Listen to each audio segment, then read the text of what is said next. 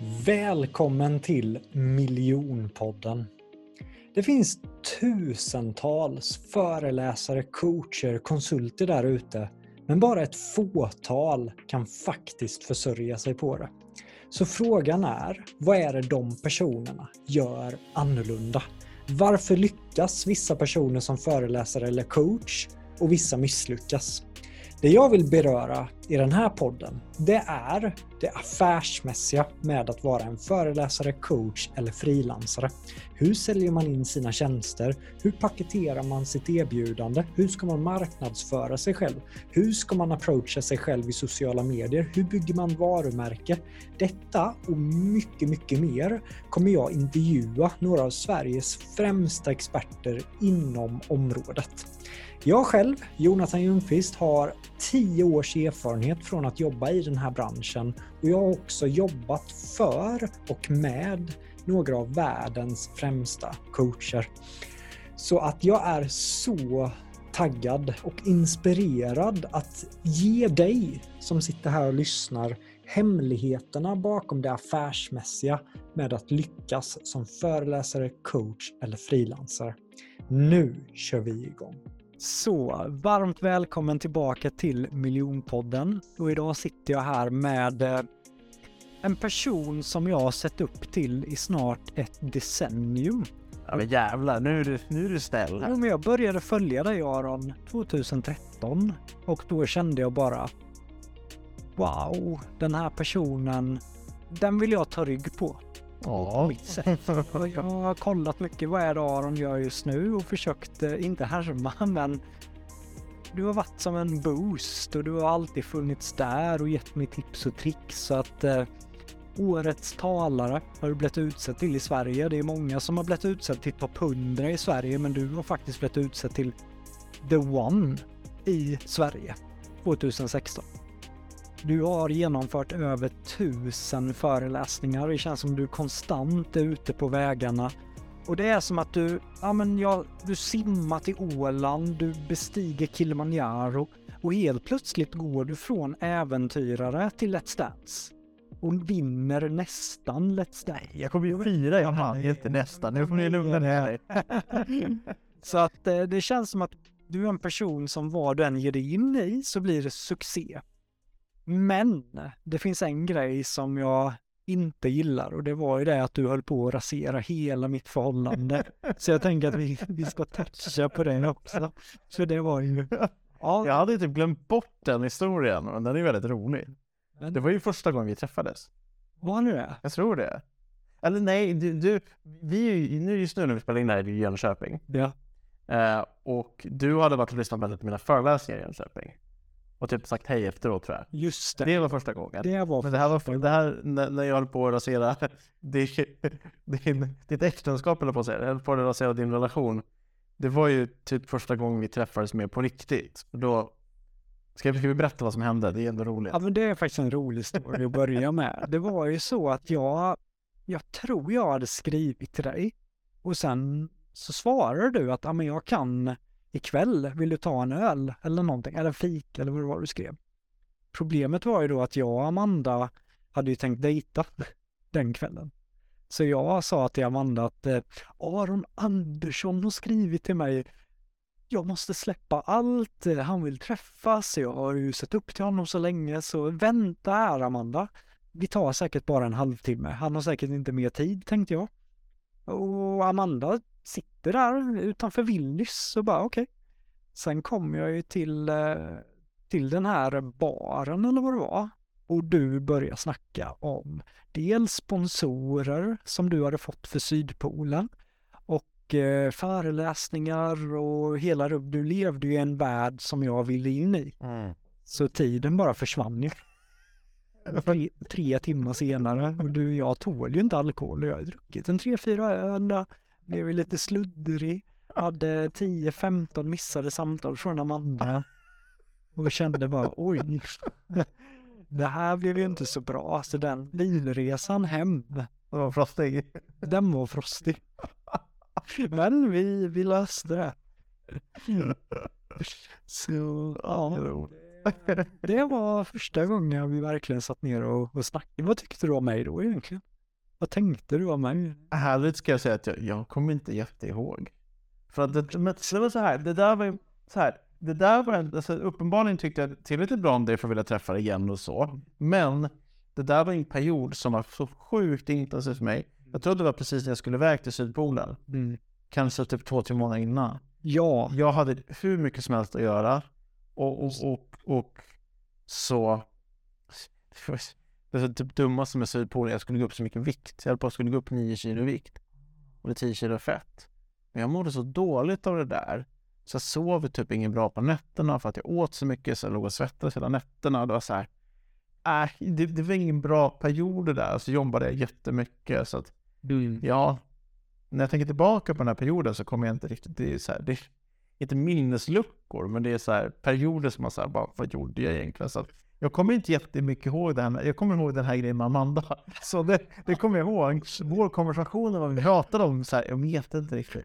ja, Men jag tycker uppenbarligen tillräckligt mycket bra om det för att det så här vill fortsätta ses. Så att något bra intryck måste ha gjort så. Men jag kommer inte jättemycket ihåg det. vad roligt att jag kommer ihåg som vad vi ens pratade Ja, ja. För mig var det stort att få träffa dig då. Jag hade inget nätverk riktigt och så tack för den. Ja. Ja, men det var jätte, det var jätte, det var säkert trevligt, eller uppenbarligen var det det som jag sett igen. Men den perioden var så här, få för mig. Jag kommer ihåg hur vi sågs andra gången. Nej, vad var det? Det var ju när jag ringde dig och sa Aron, vill du bli första svensk någonsin att rulla ut för ett Herkulesplan i Försvarsmakten? Var det andra?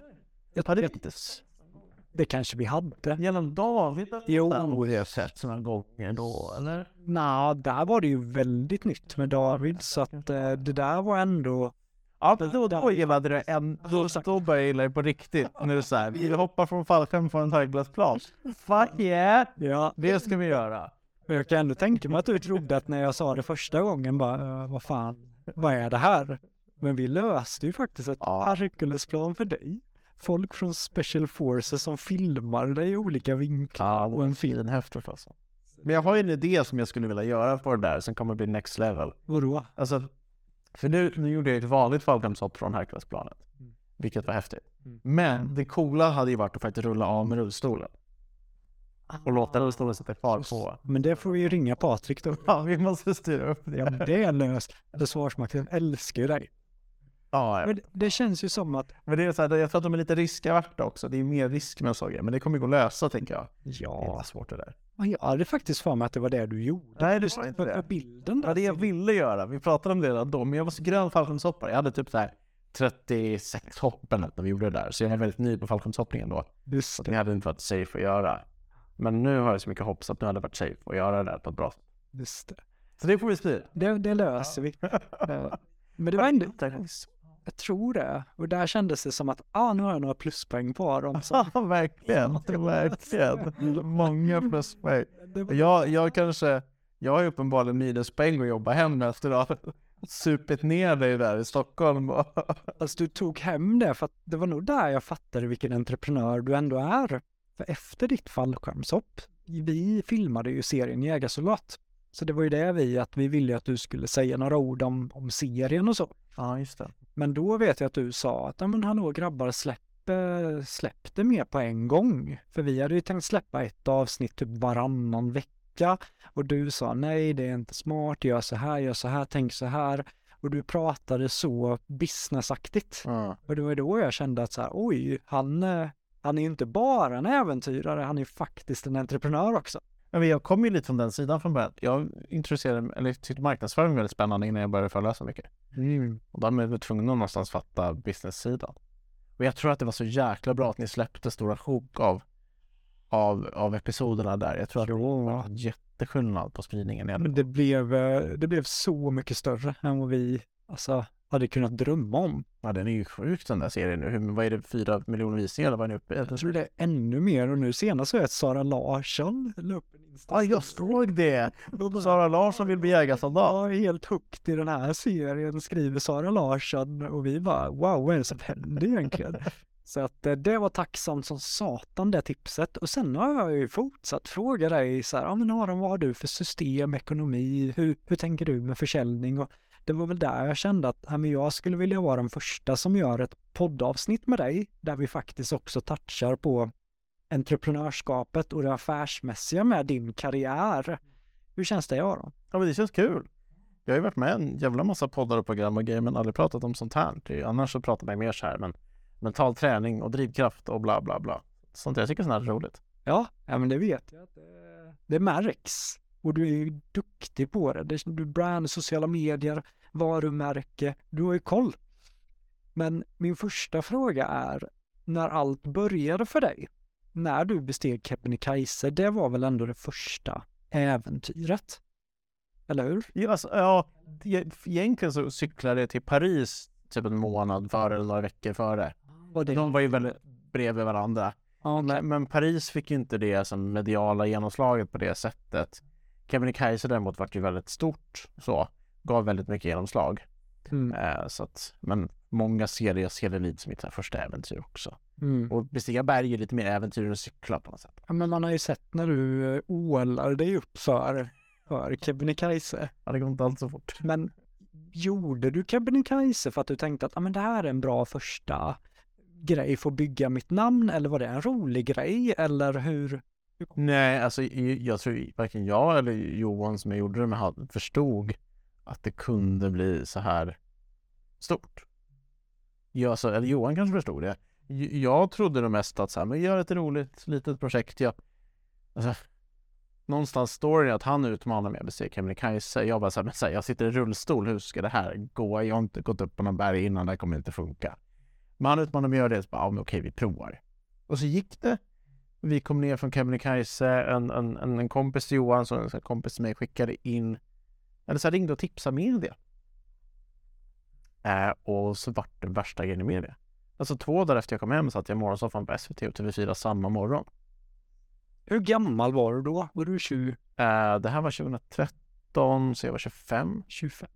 Så hade du varit med i media innan eller var det först? Jo, men jag hade gjort en del media. För, för, så här, jag är idrottare sedan innan. Hade ändå tävlat i Paralympics i friidrott och källkockey och lite sådär. Så hade jag gjort några morgonsoffer innan och en del reportage och lite sånt. Men inte alls på den nivån som jag gjort efter det såklart. Och tittar man mot föreläsningsmässigt, jag hade föreläst en del innan. För jag hade förstått att så här, men det här med att vara föreläsare är ganska schysst.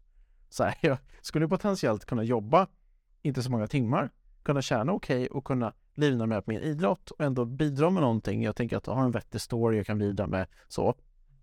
Jag hade gjort en hel del föreläsningar på skolor och genom lite sponsorer, lite sånt och lite genom lite barnkassefond och så här. På olika ställen hade jag varit ute och föreläst. Uh, och det, det jag tänkte någonstans när jag hamnade så mycket media efter Kebnekaise var så här, nu smider jag medan järnet är varmt. Mm. Så jag sa i alla intervjuer att så här, hej jag är föreläsare. Mm. Så.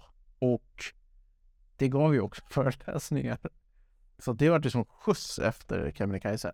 Var det något du kom på själv? För jag vet att Johan Hans Nilsson som hjälpte dig med Kebnekaise, det är ju rätt roligt att vi har haft samma i uppstart mentor. Det var han som hjälpte mig mycket med, med sponsorer och så i början. Var det ett tips från Johan eller tänkte du själv att jag, jag säger till media att jag är föreläsare och se om de nappar? Nej, men det var nog något jag tänkte på själv faktiskt. Vi pratade inte med honom om det tror jag. Men, men jag, jag tänkte att säga det i alla intervjuer så får vi se vad som händer. Och så såg ju folk det där och vart de var inspirerade och peppade och så vart det lite bokningar här och lite bokningar där och sen har bara snurrat på sen dess. Gjorde du mycket så här gratisgrejer i början eller tog du direkt de summorna du ligger på idag? Eller Nej, verkligen inte. Alltså prisbilden var inte alls den som, som det är nu så. Eh, och det är väl ganska sunt kan man tänka sig också. Eh, men jag hade gjort mycket gratisjobb innan det där. Mm. Eh, så skolor, organisationer och sånt där. Och så fick man en räkmacka om man glad. typ. Nej men eller ingen betalning alls så. Och jag, så jag tror att det var jättebra för mig att göra. För jag är ingen så naturligt bra föreläsare. Alltså mina första 100-200 föreläsningar var inte bra, tror jag. Eller så här, jag hade en bra story så att det vart bra, jag kunde beröra för att jag hade en bra story. Men så här scenmässigt så är det en väldigt, väldigt skillnad nu för tiden. Så, så här leverans. Men när jag såg dig i, i Jönköping där, när jag kom upp, vi tog, du kanske inte kommer ihåg det, men vi tog en bild på Ja, det. ja. Det måste ju varit 20, 2014, Ja. 15. skulle du se, klassificera dig själv, var den bra då tycker du? Men då var det inte helt okej så. Jag hade då börjat så komma in i det, för då hade jag ändå kört ganska mycket intensivt. Jag var helt hänförd. För mig, för mig, jag hade inte sett så många professionella föreläsningar det året. Jag hade ju, det var ju mer min dyklär, men det var inga riktiga före. Så jag var helt hänförd efter den föreläsningen. Så att eh, för mig kändes ju du som ett proffs redan då. Ja, och hyfsat proffsig var jag, men jag tror framför allt att så här, jag levde mycket på så här, entusiasm och sånt Mm. också. Och, och det var allt för att vara så nytt och man är så peppad över det. Och eh, det är ju fortfarande, men nu har man blivit mer så här föreläsningstekniskt duktig också. Mm. Man är så här bättre på att jobba med röst och bättre på att jobba med kroppsspråk och pauseringar och liksom bla bla bla bla bla bla bla. Och blir bättre på att jobba med publiken. Också det här, så här, men det som jag upplevt var svårast att lära sig och som har tagit längst tid att få in är mycket så här spontan humor. Så här, när det händer något i lokalen från ingenstans så kan man plocka upp det, så kan man göra en rolig grej på det, så kan man spela vidare på det. Alltså så här, jobba sådana saker Snyggt. som man inte kan göra i början. Man har Man- bandbredden för det. Det tar några hundra föreläsningar. Inom, eller för mig var det så i alla fall. Vissa kanske fixar det mycket. Nej men just att eh, jag kan, alltså när man är ny så är det ju mer att man gör sin grej, man är väldigt, men du kan mer vara relaxed nu. Du kan se grejer och leka mer känns det ju som. Ja, ja men så jag hade en av mina tidiga föreläsningar. Uh, vi, vi, jag cyklade till Paris 2013 med Team Rynkeby. Uh, så cykelprojekt som man samlar in pengar till Barncancerfonden. Det var ett superbra projekt. Uh, och då körde vi lite föreläsningar för sponsorer till det projektet. Då gjorde vi dem gratis för sponsorerna. Uh, så var vi på en så här stor flashig advokatbyrå i Stockholm. Uh, med så här fredag eftermiddag, början på sommaren. Och jag körde, alltså först pratar han som är så här lagkapten i laget, står väl och pratar en halvtimme om cykelprojektet och så ska jag prata om ja, men min cancer och, och, och sånt där. Så. så kör jag igång och börjar snacka och efter tio minuter kanske är en kille längst bak som bara faller ihop. Och alla bara så fram till honom och bara, vad är det som händer? Och så här, de bara, han har bara svimmat, det är lugnt, vi lägger honom i konferensrummet. Ja. Så kör vi vidare efter fem minuter typ. Bara, "Ja, okej, ja, ja, jag fortsätter prata. Eh, och tio minuter senare, en tjej som sitter längst fram, så bara dunk, drar skallen i bordet. Han bara, vad är det här? Ja, ut i konferensrummet igen, kör vidare. Och det där, alltså, visst det är en konstig situation när folk svimmar när man föreläser. Eh, men idag är man ju mycket mer bekväm med allt som händer. Då var jag så här, gillar inte folk min föreläsning? Sa jag något konstigt? Var det så här dåligt? Så här. Idag, alltså vad som än händer detta på en föreläsning idag så är man ju ganska cool. Och, och man, man är ju där någonstans här för rummet. Man fattar att så här, mitt ansvar ligger i att hålla publiken trygg och få dem att må bra. Och sen om det händer något, okej, men kan vi få in, har någon som är liksom sjukvårdskunnig eller vad det nu är för någonting. Och så får man så här, styra upp det där. Så. Och den kunskapen hade man ju då. Eller den pondusen eller den tryggheten. Hur fick du den tryggheten? Hur gick du från att känna något osäkerhet för ett decennium sedan till att sitta där idag så trygg, så lugn? Vad beror det främst på? Att jag gjort jobbet. Alltså jag har gjort kanske någonstans mellan 1000 och 1100 eller 1000 och 1200 föreläsningar. Men har du tänkt att ah, men jag kör samma eller har du som utvecklat din röst? Jag vet att du känner David mycket. Har du som tränat mycket på att bli en bättre talare? Ja, men det, det så. Jag har ju fått coaching av folk som har tittat. Du har tittat på mig och gett tips. Ja, men David har gjort det. Andra duktiga talare och coacher har också tittat och så här kommit med tips och funderat. Men det här kan du testa. Det kan du... Så har man ju experimenterat med det där. Och tänkte, men idag i den här föreläsningen så ska jag verkligen ha med mig att men jag ska göra det här med mitt kroppsspråk. Jag ska kanske vara lite långsammare i rörelse. Eller jag ska vara lite snabbare ibland. Jag ska prata lite snabbare. Jag prata lite långsamt. Alltså, ja. Alla sådana där grejer. Eh, och och det tror jag har varit väldigt värdefullt. Eh, och sen har jag också jobbat mycket själv med så här, men försöka göra små utvecklingar i materialet hela tiden. Och, och jag är ofta ganska så här spontan på scen. Man kommer på något spontanskämt eller något från ingenstans. Och så bara oj, det, det där gillade ju folk. Och så, då kan man plocka med det. Då tar man med det till nästa föreläsning. Snyggt. Och, och, och sådana där grejer blir ju mycket. Så jag, jag tror att det är supersvårt att utveckla en bra föreläsning utan att vara ute och föreläsa mycket. Ja, för då, då hittar man de här detaljerna. Ja, sånt. tweaka, tweaka. Det är därför jag brukar inte rekommendera folk som är så snabba med att ah, men vi vill filma ett webbinar och automatisera det så att det bara rullar. Men jag menar att ah, men kör den 50 gånger innan du gör det. För du lär dig så mycket under de 50 gångerna så att annars kommer du bli besviken att du la pengar på att filma, automatisera det och att det ska rulla där. Ja, det ligger mycket i det. Och speciellt när man har en live-publik så man får live-feedback och kan testa. Har, har du något minne av, jag menar du är där, bestigit Kebnekaise, sitter i morgonsoffan, det börjar rulla in uppdrag. Hur, hur, hur tog du tillvara på den möjligheten? Ja, men jag, jag gjorde ju allt jag kunde för att någonstans leverera på de uppdrag jag fick. Mm. Och göra det så bra det bara går. För alltså, det finns ju massa olika sätt att få uppdrag, men kanske det bästa sättet är ju så här, ja men så här, hej jag lyssnade på dig där för ett år sedan, det var jättebra, nu vill vi boka igen. Alltså, det är ju det enklaste och då måste man ju leverera. Överleverera helt enkelt. Ja, men göra så bra det, det bara gick. Och, och det var mycket det som var fokus i början. Och sen var jag allt så här, jag gick från, inte från 0 till 100, men från, från nästan så. Eh, det drog igång väldigt, väldigt fort. Och, och då var det bara hålla i det och inte bli fartblind och bara försöka navigera det. Eh, och sen gjorde jag väldigt, väldigt, väldigt mycket äventyr också på väldigt kort tid. Eh, och maxade det. Jag försökte bara maxa på alla håll och kanter. Framförallt 2014 känns det som va? Eller var det 20... Ja, 2015, 2016 gjorde jag väldigt mycket. Då simmar du till Åland. Du kanske inte har koll på alla år men Nej, precis. och i Kilimanjaro och rullar du upp för och Ja, det var samma. Och sen i Sydpolen där är den luckan också. Körde, körde Ironman i Kalmar. Cykelvasan, Vasalopp och ja, men väldigt mycket grejer på samma år. Jag bara maxade in allt jag kunde. hur orkar du det egentligen? Har du något super... Man är udda dum. nej, men, nej, men så här, i, idag pallar inte min kropp lika mycket. Jag är 35 idag.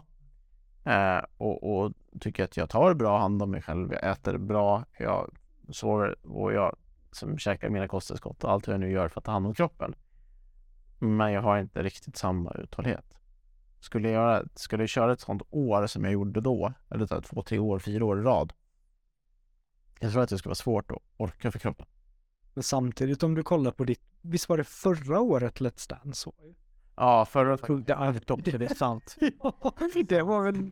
När man följde dig på sociala medier så kände jag bara, åh herregud. Ja. Så att... eh, Ja, men jag, tänk, jag tänkte på det för ett tag sedan. Så förra året, jag, jag skilde mig. Jag var med i Let's Dance. Jag körde typ 145 föreläsningar. Gjorde kanske 150 fallskärmshopp. Åkte runt. Ja, nej, det var ganska mycket också. Så att jag, jag gillar högt tempo. Du gillar det. Det är kul. Det är roligt när det händer så. Vad är... eh, Vad blir baksidan av entreprenörskapet då, när det är så mycket ute på vägarna? Känner du dig ensam ibland när du är ute eller hur? Ja, alltså föreläsningarna är ju svinkul när man väl är på plats. Jag var i Nyköping precis innan det här och pratade på ett så stort event där för ett så stort IT-bolag. Eh, kul stämning, roligt gäng, bra lokal. Jättekul att föreläsa då. Superroligt. Eh, men sen är det alla dessa resor och bo på hotell. Folk tycker att det är kul i början att bo på hotell. Det är inte kul att bo på hotell. Det är inte roligt. Om man inte är på något så här häftigt ställe, man är på semester, så här, då är det ju kul. Men så här, mycket sånt som är nackdelar. Jag tyckte ju pandemin var jättehärlig att köra digitala föreläsningar. Jag fick vara hemma och bara vara i min studio. Och i Portugal? Ja, jag och mitt ex, vi flyttade till Portugal i fyra månader. Hyrde ett hus där nere, byggde en studio, ett rum. Jag kan hoppa fallskärm och surfa och grejer och så köra föreläsningar. Det var jättehärligt. Perfekt. Och där var verkligen du, det var du David tycker jag som var någon, Sibbe Silvén, ni, ni satsade ju väldigt hårt på det digitala. För vissa föreläsare under pandemin, de köpte airpods och bara, ah, nu är det digitalt. Men ni investerade i en hemmastudio, tv, kameror, hela rubbet och gjorde det på en annan nivå. Och där blev jag med väldigt taggad på att eh, steppa upp det digitala. Ja, men jag kände lite så här, alltså, ska jag sälja en föreläsning som ändå ja, men, kostar en hel del pengar så vill jag kunna leverera det med så bra kvalitet jag kan. Så att vi la något så här mellan, men, mellan 100 200 någonstans på utrustning för att kunna bygga en riktigt bra studio och kunna leverera en riktigt bra produkt. Och sen det som är segt där också att så här, ha en studio som kan leverera jättebra kvalitet och sen så här, skalas det ner i Zoom och Teams och allt ändå. Så att kvaliteten går inte alltid igenom, vilket var frustrerande. Men jag tänkte, ska man göra det ska man lika gärna göra det bra. Va? Ja. Än att göra så halvtaskigt. Och sen fattar jag att inte alla har ekonomin och kunna liksom bygga den studien, kunna göra den leveransen. Men det var också någonstans här, jag försökte ha det som en så konkurrensfördel. Alltså vi gjorde så här videos som låg på hemsidan och sånt. Så här, det här är studion, det här är det vi levererar, bam, bam, bam, bam, bam, det här får ni. Det är inte bara så här laptopen, ställer den på stol typ. Ja, men precis. Jag vet att du sa det till mig också, att nu är det ju mindre konkurrens på marknaden under pandemin, för det var ju färre som satsade på det digitala. Så då tänkte jag att äh, men jag, jag trycker på här också. Ja. ja, men jag tyckte det var lika bra att göra om man hade möjligheten till det. Och, och sen, jag tror också att men, en del föreläsare kanske försvann under pandemin. För att de hade så, så, så, mycket jobb, de hade sina traditionella kanaler, ville inte köra digitalt. Uh, och, och, då var det någonstans en möjlighet för oss andra att försöka ta marknadsandelar om man ska tänka så. Snyggt. Vad, eh, vad är du mest stolt över som föreläsare? Alla de här tusentals föreläsare, vad är du mest stolt över att du faktiskt gör för andra på scenen? Ja, alltså, om man tittar på föreläsningar så, jag, när jag skidade till Sydpolen så hade man ganska mycket tid att tänka. Så man skidar tio timmar om dagen och man har ingen att prata med och det är bara vitt Du hade ju Dog. Ja, ja men, kunde men det är svårt att prata när man skidar. Så att det gnisslar och har sig och vi skiner ofta inte precis bredvid varandra. Men det var mycket ensamtid och då tänkte jag så okej, okay, var något riktigt, riktigt coolt och häftigt man skulle kunna göra för att så här, ge tillbaka? Eh, och då kom jag fram till att jag vill fylla Globen och föreläsa för alla nionde klasser i Stockholm. Och sen lyckades vi faktiskt göra det, typ åtta månader senare. Det var häftigt att stå på ett fullsatt Globen. Eh, föreläsningsmässigt så var det kanske inte helt perfekt att föreläsa för niondeklassare. Det var lite stimmigt och sånt. Men jag har ett minne från den föreläsningen som så coolt. Jag börjar och kör mitt intro. Man känner att de inte är riktigt med. Du vet, det sår lite inne. Du vet, de sitter typ och kastar pappersplan på varandra. Du vet, det är lite kaos. Men så tar jag upp en bild från när jag är så här åtta år gammal och sitter på sjukhuset och inte har hår på huvudet. Och hela Globen börjar knäpptyst. Det var så jäkla häftigt. Det var coolt. 12 000 pers typ. Ja, det var något sånt 11 000 kanske. Jag vet inte. Du, du är ju en, många i mina kurser, de, de får ju också de här idéerna och tankarna. Men det är som att när du får en idé så tar ju du action och du får det gjort. Hur, hur blir du så effektiv jämfört med många andra? För det är nog väldigt få som skulle kunna ha, få idén om Globen åtta månader senare, står du där. Eh, just i det projektet handlar det mycket om att jag hade en fantastisk projektledare som, som hjälpte mig att styra upp det. Men i allt annat? Uh, mycket i andra tillfällen också, att jag försöker ha bra folk runt omkring mig som kan hjälpa mig att styra saker.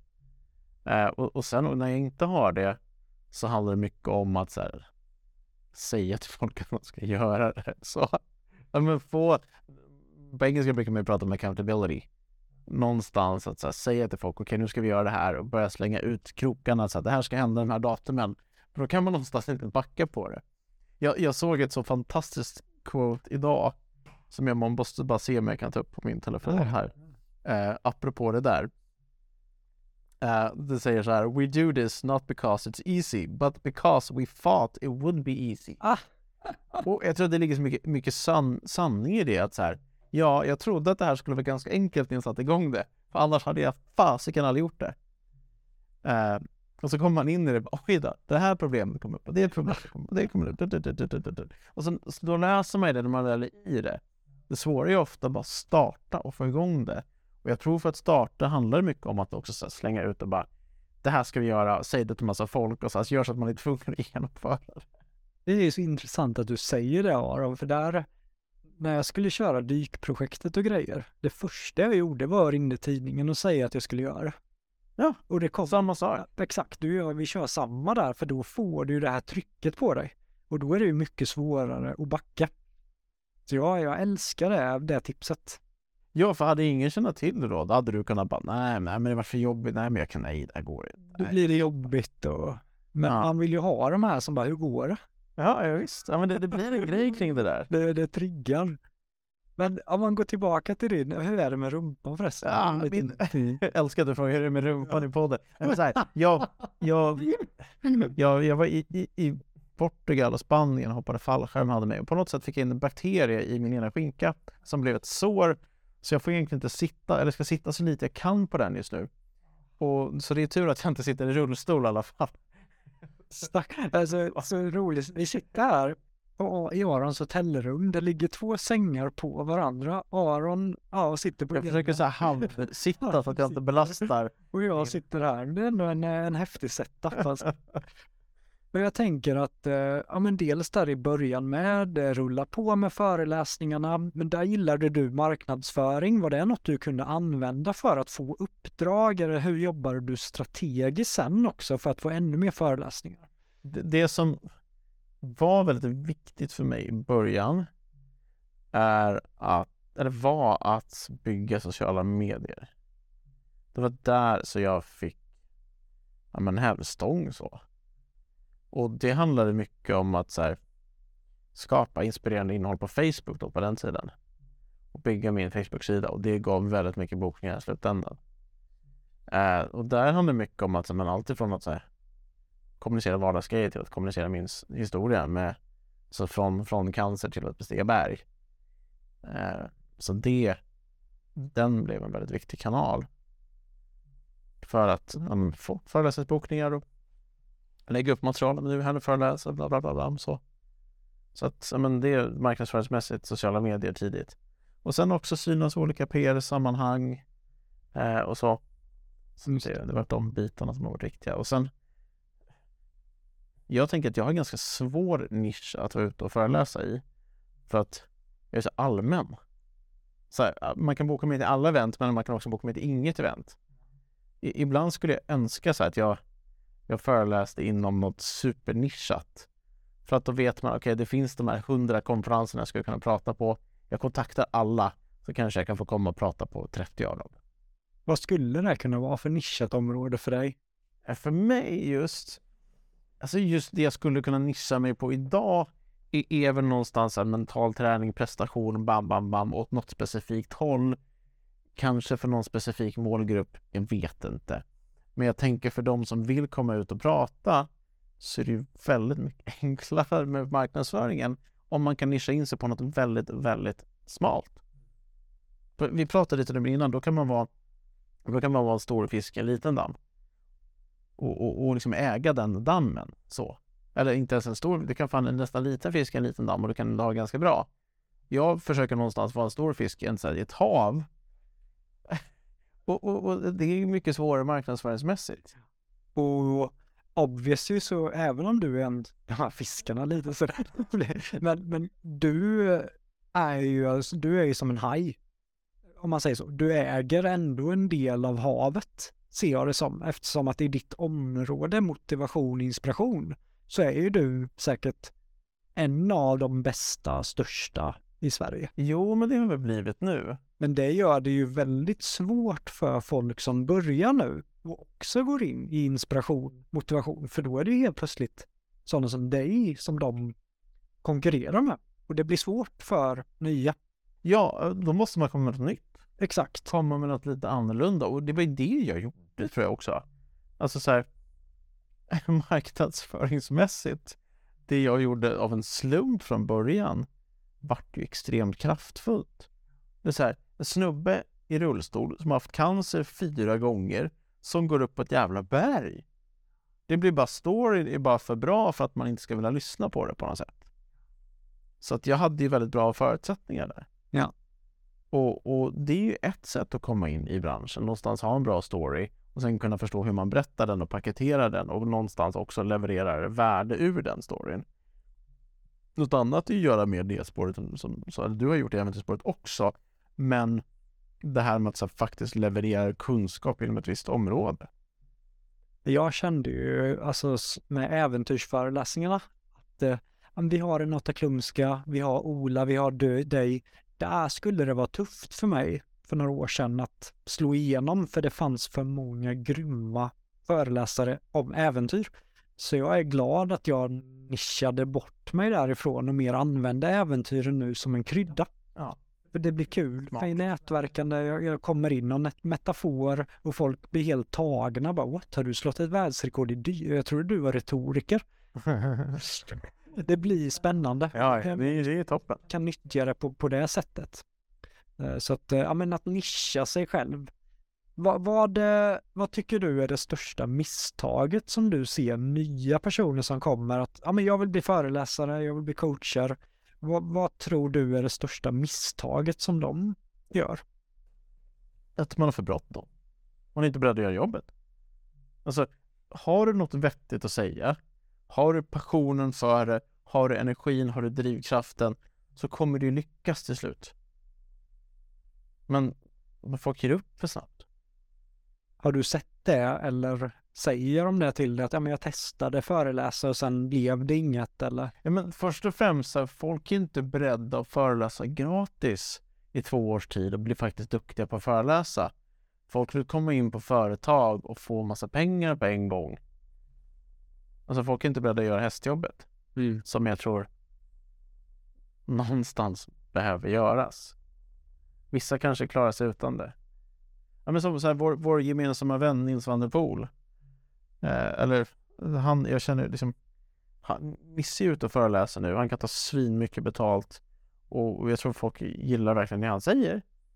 Men han, han gjorde hästjobbet och blev bäst i världen på att åka skridskor. Ja. och fick liksom 10 000 artiklar i media. Och på den vägen kan han ut och föreläsa. Men det spelar ingen större roll vad han säger nästan. Folk kommer gilla det, folk kommer tycka att det är häftigt. Och det är en cool resa. Men det är inte så många som har privilegiet att kunna göra det. De flesta har inte den storyn. De flesta har inte gjort någonting så spektakulärt som gör att de bara kan komma och föreläsa. De flesta behöver göra kanske 200 föreläsningar på skolor där de är ganska kassa mm. innan de faktiskt blir bra på att föreläsa så att de sen kan komma ut och kunna ta betalt och kunna leva på det. Skulle du säga att man behöver göra något spekat spektakulärt? Spektakulärt. behöver man göra det och bli duktig på att leverera kunskap eller tror du att det räcker med att säga att någon gillar coachning och mindset och, men man kanske inte själv har gjort någonting som du bestigit berg. Tror du att man kan lyckas ändå? Det är klart man kan det. Absolut. Det finns så fantastiskt många duktiga föreläsare som är ute mycket, som lever på det jättebra, som inte har gjort något spektakulärt. Snyggt. Så. Men, men, men de är duktiga på scen. De är väldigt duktiga på att leverera. Och det måste vara det då, för konkurrensen är hård. Och speciellt nu, tittar man på marknaden, känns som att kanske, alltså, eller vi går in i en lågkonjunktur, kommer föreläsningar dras åt. Självklart, alltså det mesta på marknaden dras åt så. Alla saker som företagen inte måste lägga pengar på, det kan de dra in på. Jag tror föreläsningar kan vara en sån grej. Och då kommer det krävas ännu bättre leverans. Och då kanske man också går på mer säkra kort. Men man vet någon som har blivit utsedd till årets talare eller vad det är. Okej, men det är enkelt. Så vi vet att det kommer bli bra. Så. Snyggt. Ja, men jag går tillbaka till det du sa. Du började med att bygga upp Facebook framför allt. Hade du någon form av, ja men jag ska posta mycket om min story eller jag ska ge mycket värde eller jag ska lägga upp det. Eller hur tänkte du när du fick mycket följare på Facebook? Eller fick du det för att du var med mycket i media och så? Nej, jag fick det för att jag var duktig på, på sociala medier. Så jag berättade historier.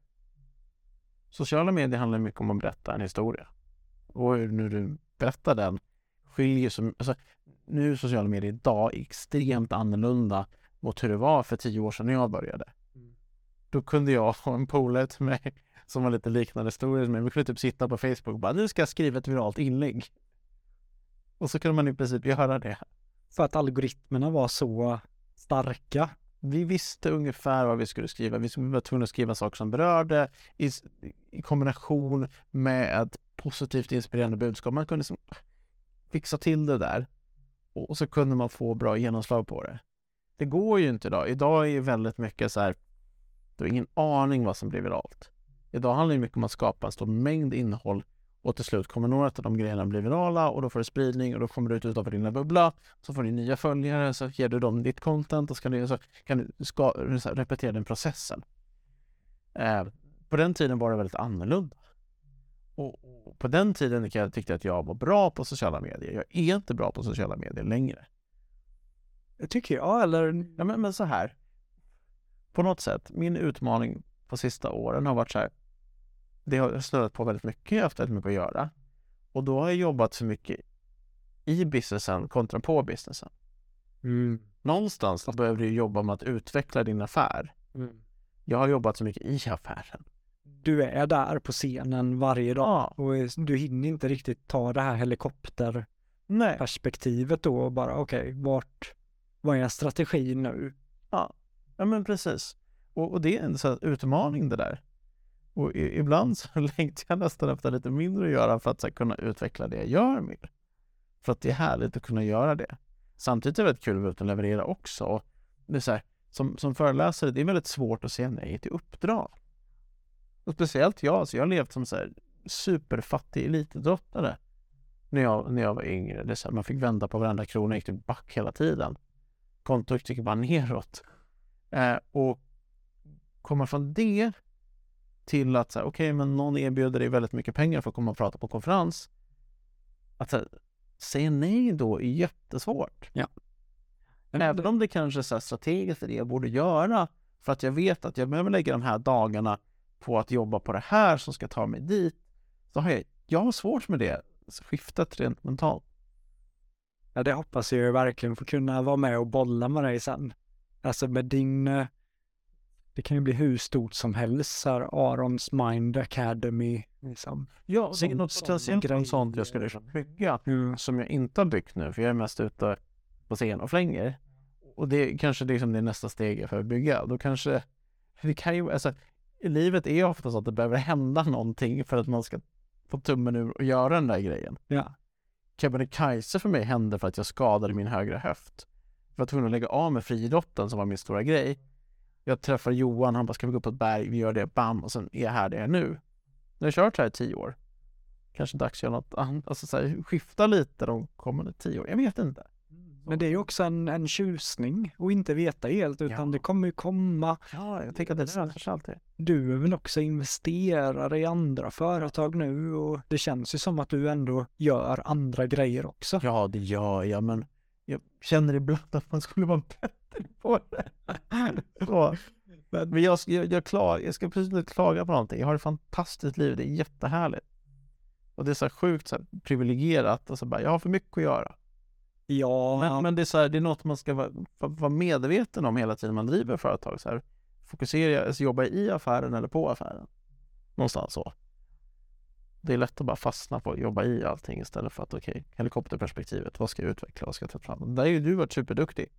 Och, att någonstans här utveckla och bygga och greja och dona och digitalisera, bam, bam, bam. men jag, jag är ju en process, sen superduktig kanske inte. Alltså jag, jag lär mig hela tiden, jag testar och men, men det går ju framåt i alla fall. Ja, det utvecklas hela tiden. Jag, jag pratade om Sandra-Stina Westlund med dig här nere vid, vid middagen ja. och hon, hon säger ju det att desto mer du är i din business, desto sämre är det. Om man verkligen vill bygga någonting Ja, om du ska bygga något så att det kan skala. Och det, det, tog jag med mig från, från coachningen med Sandra. Att hon sa att du ska kunna lämna din business i ett år, kunna komma tillbaka och den har vuxit. Mm. Och det går jag ju för nu. Och kunna skapa som en maskin helt enkelt. Mm. Och det är väldigt kul och det är kreativt och det är spännande. Så jag är nästan glad att jag inte då är helt fullbokad faktiskt. För det är ju en charmig process mm. att vara i.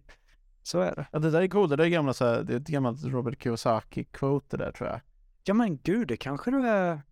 Tror det var Sandra som sa det. Kunna, hon kanske har fått det där, jag vet inte. Ja. Men, men det är en intressant tanke det här, du ska kunna lämna din... Ja. För det, det kan ju, jag kan ju verkligen inte det. In, inte jag heller just nu. Det går ju inte så. Nej. Men, men jag har också tänkt tanken så här, hur skulle jag kunna skapa det. Och det finns ju de, speciellt internationellt, de föreläsare så, som har gjort sådana. Absolut, men det är få. Jag tänker på Tony Robbins störst i världen. Han skulle ju inte kunna göra det, känns det som. För han har ju inte byggt upp någon. Jag tror att han drar in ganska mycket på sina online-grejer. Jag vet inte. Men sen finns det ju också typ de här Stephen Covey, de här Seven Habits of Highly Effective People. Precis. Jag vet att, tror att han har sagt ganska mycket sådana saker. I don't know. Jag tror men... att om det är någon som löser det sen så är det ju du. Säkert alltså. jag, ser, men jag ser det framför mig att du, ja, värsta businessman. vi får se. Vi får se. Kanske nästa iteration på det här. Jag har ju någon så här, sätter man framåt, jag har ju någon så här dröm om att kunna bo utomlands på vintrarna i alla fall. Ja. Jag älskar ju svensk vinter när man åker skidor. Ja. Annars tycker, tycker jag det är ganska hopplöst. Som vi bodde i Portugal under pandemin, det var helt fantastiskt, det var jättehärligt. Eh, så att, den, här, den här vintern har ju varit rätt lång, känns det som, tycker jag i alla fall. Ja, ja men absolut. En grej som fascinerar mig med dig tycker jag, det är ju ändå hur mycket lägger du på att plugga fortfarande? Du läser böcker. Du... Ja, men det, jag tror det gör jag det ganska mycket och, mm. och jag kör mycket ljudböcker. Mm. Jag tycker det är väldigt härligt. Jag kör ganska mycket bil mellan olika föreläsningar eller åker tåg eller flyger och sådär. Då tycker jag att det är härligt att, att sätta, lyssna på poddar, ljudböcker och mm. försöka hålla sig ajour med massa ämnen. Mm. Så jag, jag, så här, jag kan ganska, ganska lite om ganska mycket. Ja men alltså verkligen. så. Jag kan ju bara grejer om mina block, men du ställer ju ofta frågan till exempel om ah, vilken våtdräkt har du på dykningen? Jag bara, jag vet inte fan. Jag vet inte. Du kan ju om kameralinser och allt möjligt. Men jag nördar på teknik. Jag tycker att det är lite roligt. Ja, det är inspirerande. Vad, eh, jag har ju förberett några. Mitt community ställde också några frågor till dig. Mm, spännande. Just det, du har ju jobbat med mycket sponsorer mm. för dina äventyr. Vad är viktigt i en relation med en sponsor som stödjer dina resor? Behövde du då föreläsa där eller hur, hur gick de processerna? Nej men så här. Först och främst, varenda gång jag har hittat vettiga sponsorer eh, så har det nästan alltid varit genom kontakter eller möten eller på något sätt som man har hittat in. Men sen när man väl ska någonstans stänga affären eller ska skriva på ett kontrakt med en sponsor så handlar det ju bara om att kunna ge värde till dem. Alltså det här, det här ja, men, som fanns förr i tiden med att en idrottare kunde gå till något företag och bara jag har er logga på kläderna så här och så syns ni, oj oj oj. Funkar inte riktigt längre. Du måste ge värden på så många andra olika sätt. Och det kan handla dels om att ge värden externt, men kanske framför allt tror jag mycket värden internt på bolag. Jag har jobbat med Bauhaus som en stor partner senaste 7-8 åren. Um, de gör väldigt mycket för Barncancerfonden. Och jag hade cancer själv när jag var liten, ambassadör för Barncancerfonden och jag har kunnat hjälpa dem att få utveckling på det samarbetet. Så det har varit ett sånt värde som inte jag kanske förstod från början. Så kanske inte de fattar heller, men som har blivit otroligt värdefullt för dem. Snyggt. Så att jag har hjälpt dem att någonstans få mer värde av sitt samarbete som de har med Barncancerfonden och kunna lyfta det både internt och externt. Och sen har de gjort föreläsningar och alla möjliga grejer med dem. Men så att det har varit väldigt, väldigt värdefullt. Så att det är en sån liten grej.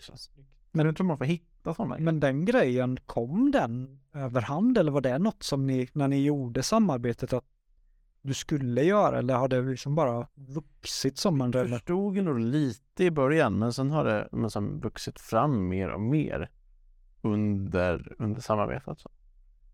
Mikael Lindnord, hunden Arthur Mikael. Mm. Du känner honom? Ja, jag känner. Ja.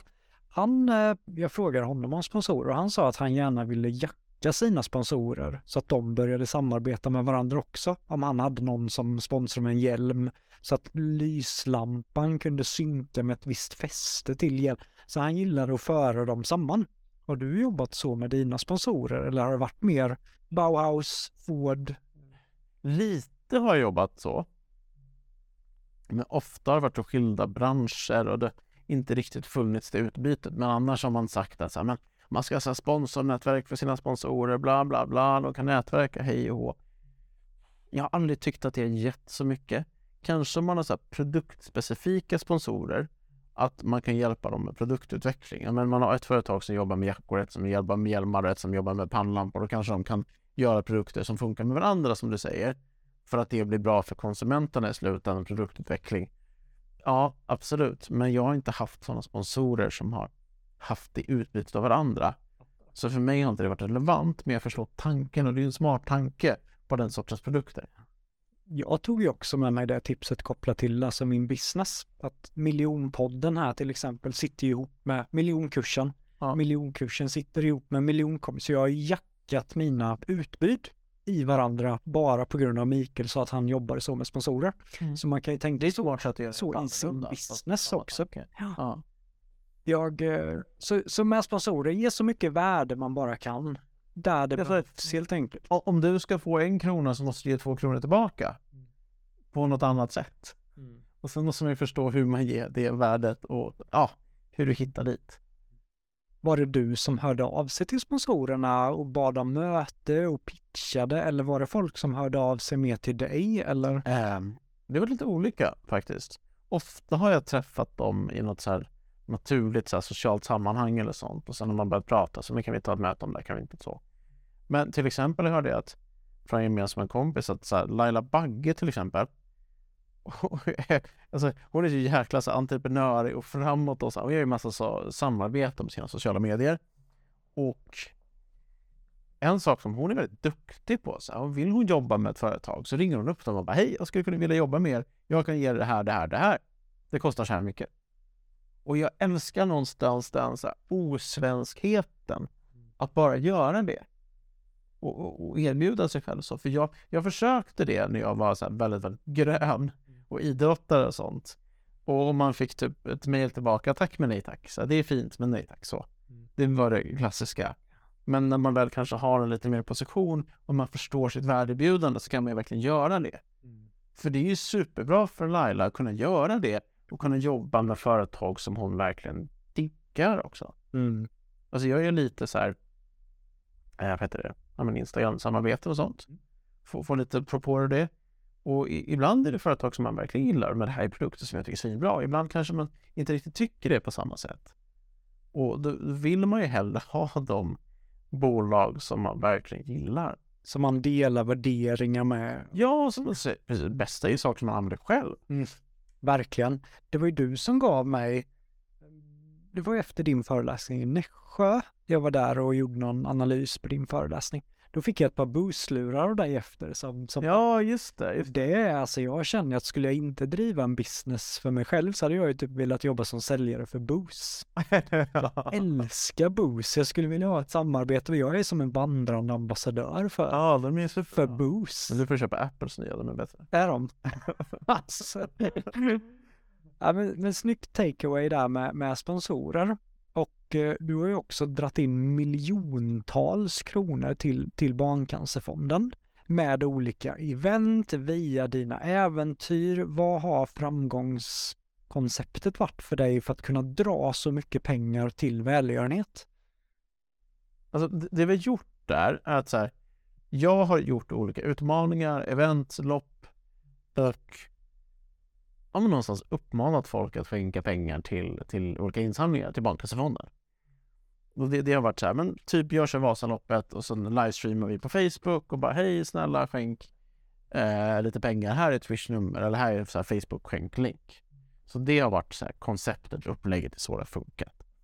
Och jag tror det som har fått det verkligen att flyga tror jag är mycket min personliga koppling, min story. Det är lätt det är en lätt storytelling. Jag får ganska många så folk som hör av sig till mig som säger så här, hej, eh, jag ska springa här och sen, sen vill jag samla in pengar till något bra, så jag har bestämt mig för att skänka pengar till, eller försöka samla in pengar till det här. Hur gör jag? Mm. Och jag bara, men det är jättesvårt om du inte har en tydlig storytelling, om du inte har något att hänga upp det på. Har du din pappa som varit sjuk i någonting eller din farmor som hände det? Alltså, har du någonting du kan hänga upp det på så blir det så mycket enklare. Mm. Men, men ett tag var det så himla hypat att göra så här välgörenhetsäventyr eller välgörenhetsinsamlingar, välgörenhetsprojekt. Mm. Vilket är fantastiskt, det är helt underbart. Men det kändes som att folk gjorde så här, de ville göra ett äventyr. Och sen brandade de om det som att de ville göra äventyret för att göra den här insamlingen. Det var insamlingen som blev viktiga. När alla fattar att det är äventyret som är viktiga. Och då kan det varit lite som att är det marknadsföringssyfte bara? Det känns lite så, där det blir bara platt. Mm. Och det någonstans måste vara autentiskt allting. Alltså jag samlar in pengar till Barncancerfonden för att Barncancerfonden kan vara anledningen till att jag är i livet idag. Det är ganska så här, det är svårt att tjafsa med den, det, det är på riktigt. Ja. Men de här filurerna som ska samla in pengar till någonting som är så här, "Nä, nej, det känns inte riktigt hundra. Och då ser folk igenom det där så fort. Så jag tror så här, autenticitet har varit så nyckel och sen har jag haft liksom, förstått hur jag ska berätta den storytellingen och allt sånt. Det är, så här, det är ingen som kan ifrågasätta.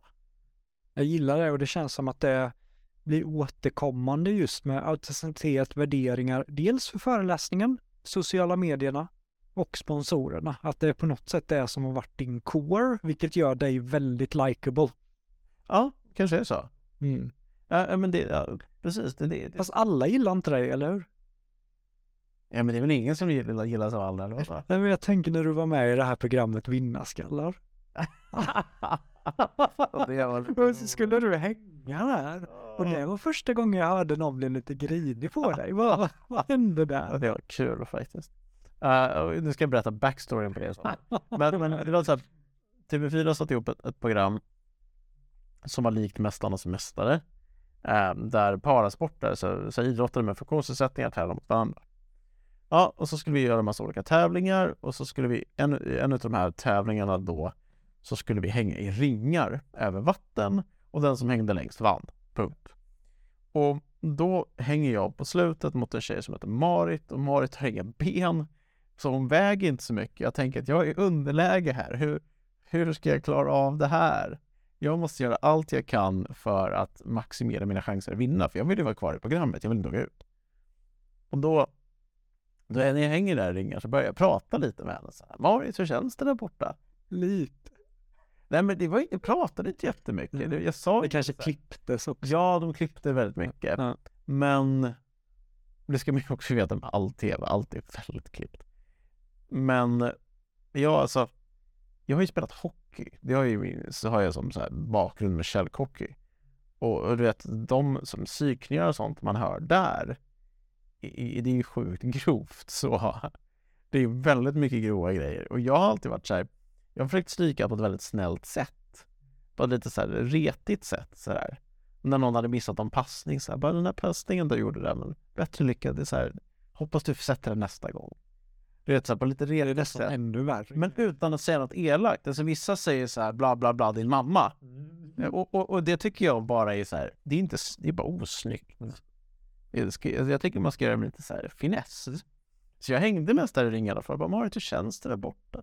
Du ser lite skakig ut sådär. Och hon kunde inte ta det. Hon tyckte det var jättejobbigt och sen eh, kanske inte var det som, som gjorde så att jag vann det där, men, eller vad det nu var. Men Mm. ja. Och så klippte tv det där väldigt som att jag psykade jättemycket så. Eh, och då var folk lite sura på sociala medier. Ja, det där är så osportligt. Anders Södergren skulle aldrig göra sådär i Mästarnas Mästare. Bara, Ja, nej. Bra för Anders Södergren då. Så, ja. Men att folk blir upprörda på så jävla mycket. Det är löjligt liksom. hur, hur, när folk ändå skriver saker och, och det blir lite kritik sådär, har det varit, hur, hur tacklar du det? Det kan vara jobbigt att tackla. Jag satt och kommenterade Paralympics för drygt ett år sedan. Eh, Det var det var invigningen och då hade kriget mellan, alltså, ja, när Rysslands invasion med Ukraina hade brutit ut någon vecka innan. Ja, och då sitter vi och kommenterar i kriget och att Ryssland blivit utslängda på Paralympics och bla bla bla, massor med grejer med det. Och även så här bakgrund att som en Paralympics startade i krig. Paralympics började med veteraner från andra världskriget som började ha tävlingar och det blev sen till Paralympics. Och sen kommer USAs trupp in där, så, ja, så kommenterar vi det och så kommer massa amerikaner in här och många är krigsveteraner och ja, krig är ju bra för, för rekrytering till Paralympics säger jag då. Och så här, jag sitter i en så här 90 minuters direktsändning och, och råkar säga att så här, krig är bra för rekryteringen till Paralympics. Visst, man ska inte säga krig och bra i samma mening, det är jättedumt. Jag borde säga sagt krig skapar rekrytering till Paralympics. För att det är så här, ja det är 27 procent krigsveteraner i USAs trupp, bla bla bla. Ja. Men och det där blåses ju upp, togs ut ur sitt sammanhang, alltså, togs ut bara hela klippet och Aftonbladet bara så här SVT-profilens utspel, krig är bra. Det var rubriken. Man bara ja, tack för den. Och alltså, jag visste jag så här, jag vet ju att inte jag tycker att krig är bra. Det tror inte jag var någon som trodde heller, men det typ försökte Aftonbladet få den att tro. Det hamnade på något av Sveriges största Instagram-konton, de här Filmfabriken och Dyngbaggegalan och allt vad de heter. Eh, och fick en så brutal spridning där. Jag bara så här, jag har inte gjort något fel tycker jag. Jag visste jag sagt något som är klantigt. Jag borde haft ett annat ord. Men korrekt någonstans. Det är så det skapar rekrytering. Det är jävligt sorgligt och hemskt, men det är så. Mm. Och då var det så dåligt tidsläge också. För jag menar, så alla var så kända, så, så, såklart. Det var krig i Europa, alla var så här, shit, kommer det här liksom, komma till andra ställen, det är hemskt, bla bla bla, vad ska Putin göra näst? Så, det var kaos i folks huvuden. Mm. Folk var så emotionella. Såklart. Eh, alltså min manager fick två dödshot under den här perioden. Riktat mot honom, vilket är så jättekonstigt också.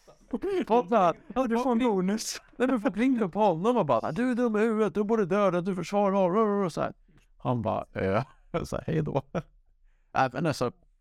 Men var det då att du skydd, stänger du dig inne eller tänker du att eh, jag ska gå ut med press? Eller hur, hur agerar man när man hamnar i en sån? I, i det där läget så, så, så här, först pratade jag med lite så här TV4 hade lite pressfolk, för precis när Let's Dance skulle dra igång det här. Och så frågade jag bara, vad gör man? Och de sa så här, det bästa du kan göra i en sån här situation är att pudla. Det var så här, men erkänn att du gjort fel. För då är ingen som är sur på det längre. Mm. Äh, så, och, och, sen också så här, jag hade ju någonstans mitt på det torra så jag kunde men, förklara vad, vad som hade hänt. Och, och det, det, det, det, historiskt är det så här och, och, och kunde berätta om det. Men jag var samtidigt rädd. Jag var väldigt, väldigt rädd i det här läget. Okej, men kommer jag, kommer jag förlora liksom det jag har byggt upp på grund av den här grodan jag har sagt i media Och sen kommer jag förlora hela min så här. Kommer folk inte vilja boka mig som föreläsare längre? Kommer inte jag få några uppdrag? Kommer inte jag få några tv-jobb? Kommer, kommer allt bara försvinna? Mm. För att jag har klantat mig och sagt en så dum mening. Nu var det inte så. SVT skyddade mig och försvarade mig allt vad det var. Så det vart lugnt. Mm. Men Eh, och så mycket lärdomar från det där. Och så här, till exempel är man i sån här läge så här, prata med tidningarna och säga att du ställer upp en intervju men säg hej, jag vill, jag vill kolla rubriken innan, innan det här går ut. Annars kommer inte jag ställa upp en intervju. Snyggt. Till exempel. Att som Aftonbladet där, de, de sätter verkligen rubriken så här. Jag tror att det var så här, SVT-profilens utspel, krig är bra. Situationstecken så. Men det är så här, visst, det är ett korrekt citat, men de tar inte med hela, alltså Ja, oh. oh, jag, jag känner DN gjorde. Ja, men DN gjorde en liknande, alltså de gjorde en, en intervju med mig. Eh, jättefin artikel, jättebra intervju, hade en vettig rubrik. Den var, den var bara jättebra förklarande. Förklarade om Paralympics och krig och allt hur det hänger ihop och så. Det var bra. Jag tror Aftonbladets artikel var ganska okej. Okay. Men rub rubriken. Och du vet, folk läser rubriken och så blir de förbannade. Och sen kommenterar. Alltså, det är så sjukt klimat idag. Ja, det känns som att det finns, tycker jag, när jag, jag försöker hänga med och se vad som skrivs, men det känns som att det är ett, ett något extra drev mot kändisar just nu, tycker jag. Eh, att eh, många åker dit på småsaker. Ja, och man är ju mer under lupp. Alltså idag så, så vad heter det, så, så skapas ju så himla mycket material hela tiden. Mm. Och minsta lilla felsägning som du säger i materialet och trycker ut utan att tänka på det kan ju folk någonstans ta bara, menar du verkligen sådär? Dö, dö, dö, dö, dö. Som de som var kända förr i tiden. Det var inte så mycket exponering hela tiden. Ja. Så det var, fanns ju inte lika mycket material där ute. Ja, och posta ut. Så sen är det någon sån här trend i samhället att allt ska vara så jävla politiskt korrekt och det ska vara så bra hela tiden och allt ska vara så tut, tut, tut, tut, tut. Och gör man minsta lilla fel då så ska man bli uthängd och då är man världens sämsta människa. Typ. Man får liksom inte göra fel längre. Alltså det är väl klart jag inte tänkte att krig var bra. Det vill säga klart i efterhand så här. Jag borde sagt den här meningen annorlunda. Jag bara så här, krig skapar rekrytering till Paralympics. Mm. Hade jag sagt det så hade ingen, rör- alltså, ingen hade brytt sig. Och hade det varit i andra tider hade kanske folk skrattat. Precis. Ha- Hade jag, jag tänkte inte att det skulle vara som ett skämt, jag tyckte inte att det var kul alls. Jag tycker bara var krass. Men precis, hade jag sagt det där ett halvår innan så tror jag ingen hade, hade tänkt på det. Men, men just, det var sån timing Timing, att Ryssland hade precis gått in i Ukraina. Folk var så himla på, på nålar. krig. Um, Ja. Intervjun börjar ju nu, klockan tickar, men jag har en grej som gjorde en Intervjun börjar ju nu. Ja. Jag hade kunnat snacka med dig länge, det vet du, men jag vill respektera din tid också. Men, men det var ett tips du sa till mig, Aron, som jag har använt mig av säkert 50 gånger och den har varit en game changer. Det var ju det här du sa till mig och jag kommer inte ihåg när du sa det. Men du sa till mig Sell before you create. Och sättet det landade i mig var ju att ja, men innan jag då bygger en landningssida, innan jag bygger en onlinekurs, innan jag bygger massa grejer och spenderar pengar på det, se om folk går igång på det innan. Eh, säger folk att jo men det här skulle jag kunna köpa. Ja men då vet jag att det blir mer värt då för mig att lägga tiden. För att jag vet att folk är taggade. Var det du som kom på det eller har du lärt dig det någonstans? Nej, jag, alltså, det är ingen som har kommit på någonting i världen. Alla har ju hört någonting någonstans som man kanske ändrat lite. Jag vet inte vad jag hörde det, säkert någon podd eller någon bok eller jag vet inte. Men jag tycker att det ligger så mycket, mycket i det. Att så här, och det är mycket, mycket något man pratar entreprenörskap, folk som bygger plattformar och sånt. Pratar man om att skapa en MVP, Mm. som är en minimal viable product. Alltså vad är den minst, vad är den minst sofistikerade produkt som du skulle kunna leverera till marknaden och få någon att köpa den? Vi egentligen bara test, sätt att testa om någon ens vill ha det du har fått för dig att folk vill ha. Folk som ska bygga ett community till exempel. Skapa en egen hemsida, bygga community, bara, bara, bara. Ja, starta en jävla Facebookgrupp. Se om det är någon som vill vara med i den där gruppen. Nej, det var ingen som ville vara med, men då kanske du ska lägga 300 000 på att bygga en hemsida för att sen se om folk vill joina din hemsida.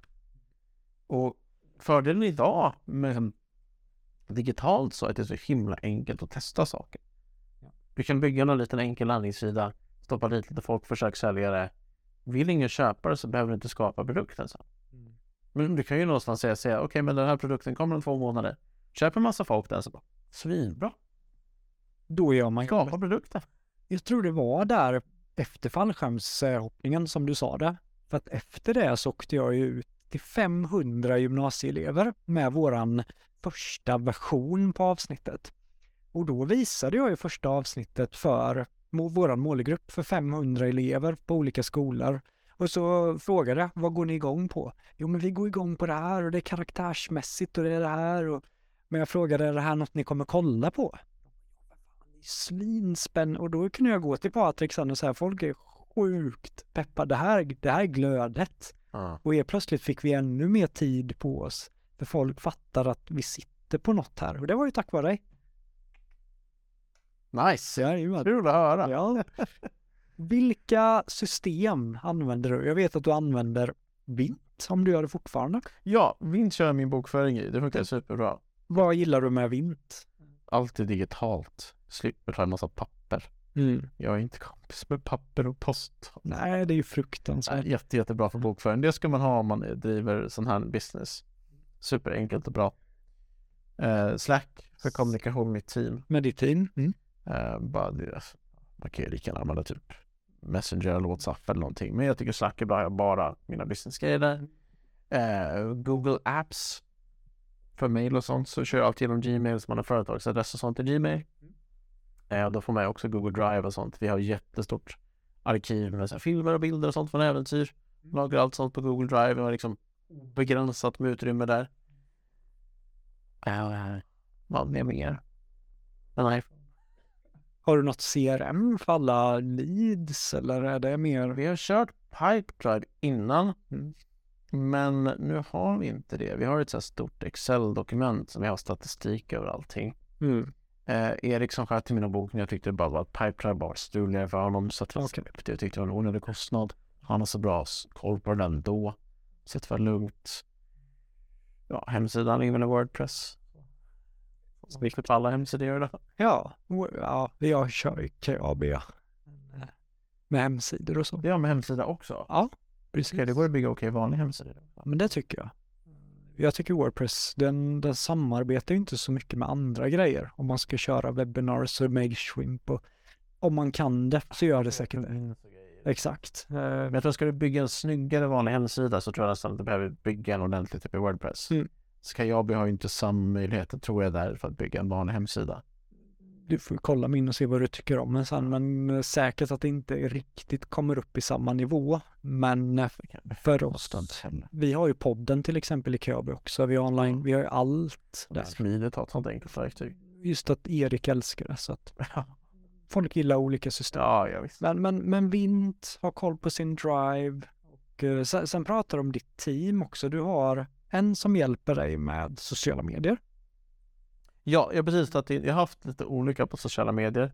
Nu har jag precis tagit in en kille som heter Marcus som håller på och ja, hjälpt mig att göra filmer och grejer till sociala medier. Och skapa innehåll. Sen sköter Erik mina, mina bokningar och, och hjälper till med ja, men, alla möjliga olika samarbeten och sånt där.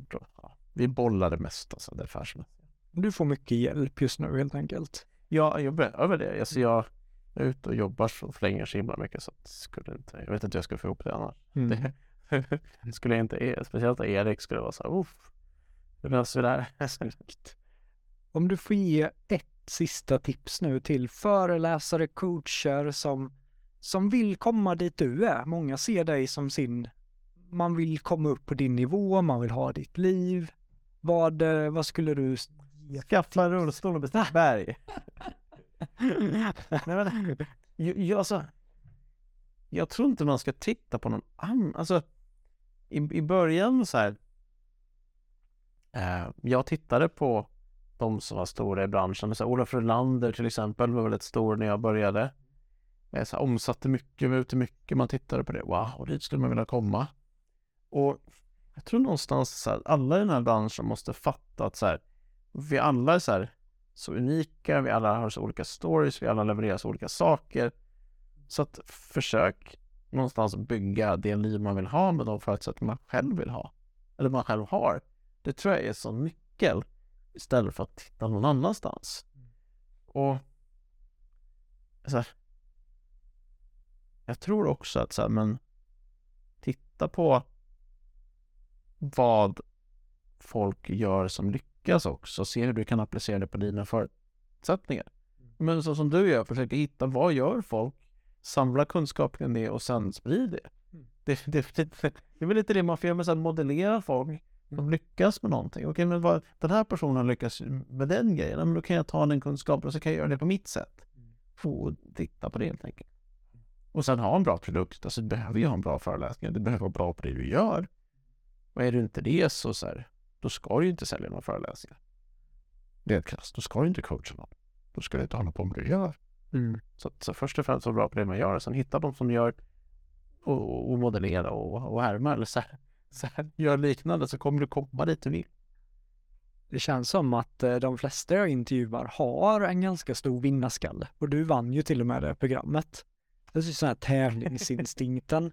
Skulle du säga att man behöver ha det i den här branschen eller funkar det att vara, nej det, jag gillar inte tävla, jag gillar inte pusha, jag gillar inte kliva upp och som verkligen tro på det i Globen. Skulle du säga att det är nödvändigt att vara en vinnarskalle?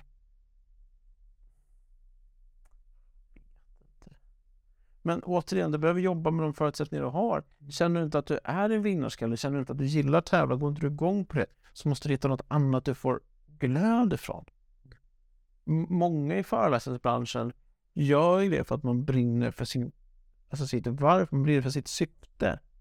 Alltså det finns de som har gått igenom helt, som Fred Bell till exempel, en, en kompis, föreläser mycket om det med integrering och sådana frågor i Sverige. Han har liksom gått igenom det själv, haft jäkligt tufft i det. Han brinner verkligen för det.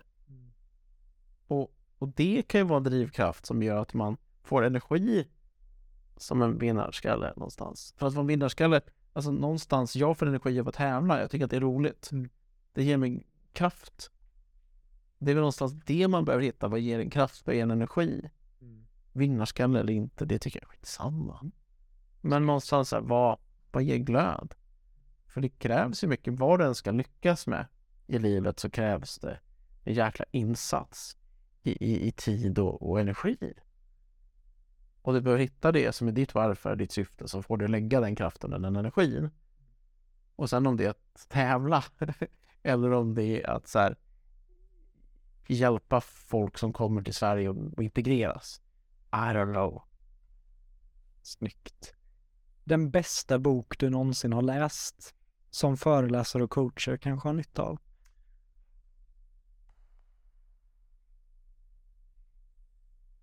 Bra fråga. Så för, jag läste mycket sån, den typen av böcker för ett gäng år sedan. Jag läser inte så mycket sådana just nu. Kommer inte ihåg vad de som jag tyckte hette var bra. Men så här, det finns en podd som heter I Love Marketing. Som jag tycker är väldigt intressant. Det, det är två amerikanska marknadsförare som sitter och babblar. Och jag vet inte om de har gjort nya avsnitt på länge, men de gjorde massa avsnitt för många år sedan. Och de så här, man får en bra, intressant förståelse på marknadsföring som jag tycker är vettig. Den är schysst. Så jag vet inte om den är så specifik mot föreläsare så, men jag tycker att den är, den har något. Jag tror du skulle säga din egen nya bok också. Ja, men den är inte så relevant för föreläsarspecifik. Men just jag släpper en bok. Ja, men exakt. Det tänkte jag. Det är bra, då kan jag få pitcha den. Ja, uh, klart. uh, vi släppte den i igår faktiskt kom den ut på Adlibris som förhandsbeställning man kunde beställa signera ex. Vi fick upp den på, på topplistan så det var lite såhär What? Sen igår? Ja men så dagstopplistan som en nollad vecka. Alltså. Ja. Vem är den här boken för och vad handlar den om? Uh, boken är en någon kombination av självbiografi och så här, mina lärdomar och så här, men det man kan faktiskt kanske ta med sig från det jag har gått igenom. Och först kände så här, förlaget sa så här, men du ska skriva självbiografi. Och bara så här, fan jag är 35, jag kan inte skriva självbiografi, det går inte. Så det känns lite bajsnödigt. Men de bara, jo, jo, jo, du ska göra det. bara Okej, men jag kör väl det och så. Och sen bara jag inse att men, man har ändå varit med om ganska allt, allt ifrån det här med att gå igenom cancer som liten till utmaningar och äventyr och, och bakslag i livet. Så, så att jag, så här, vi går igenom tuffa tider just nu, många. Det, det, är så här, det är krig i Europa, det är en pandemi som vi precis har kommit ur. Det är räntor, det är inflation, det är elpriser, det är allt vad nu är. Jag tror att den här boken hjälper folk att få lite inspiration och lite hopp och lite så här, okej, okay, fasiken, nu tar vi oss igenom det här på ett bra sätt. Och perspektiv. Ja. Snyggt. Jag tror att folk kommer gilla det. Jag tror verkligen det. Uh, ja. Jag tänker att vi lägger länken till boken här precis under avsnittet ja, så kan folk eh, beställa den. Kul! Spännande. Får man köpa den redan ikväll? Har du med den? Nej, som sagt den finns på förhandsbeställning. Den kommer ut om så här sex veckor. Du hade fått en bok annars Jonas. Nej men jag är köpt. Ja, det är, det är sött. Men du, du hade kunnat få en bok. Jag har, jag, jag har inte ens fått den själv. Nej, men då, då kan jag inte be om Finns ingen.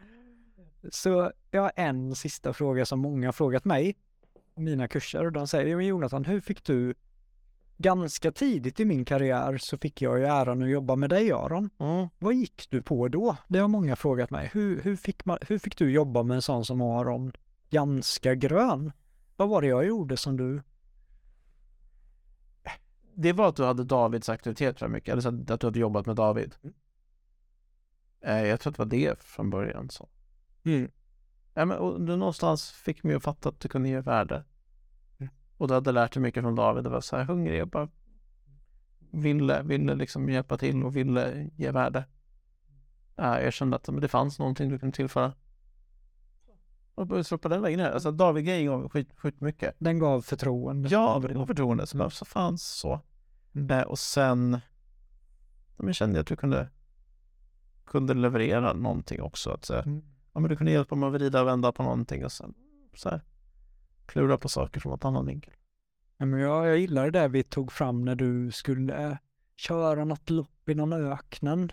Kommer jag ihåg? Ja, just det. Det, där, det, var, det var nog det första jag bara kände att det vill jag ge dig helt bara för att visa vad jag kunde göra. Jag tycker att där, vi fick till den storytellingen bättre. Ja, men det hjälpte mig väldigt bra med den grejen och insåg att du har ett sätt att, förstå att jag kan vrida och vända på saker. För, för någonstans, jag gillar det också att så här, utmanas i mitt berättande på scenen. Mm. Och förstå, okej okay, men jag är van att säga det så här. Men du kanske kan se det så här istället. Mm. Eller du kanske kan sätta den vinkeln på det. Och sen, sen kanske inte det är riktigt mitt sätt att säga det på, men då kanske jag hamnar i mitten någonstans. Mm. Vilket kanske blir ett sätt så där jag kan ge åhörarna mer än vad jag skulle kunna annars.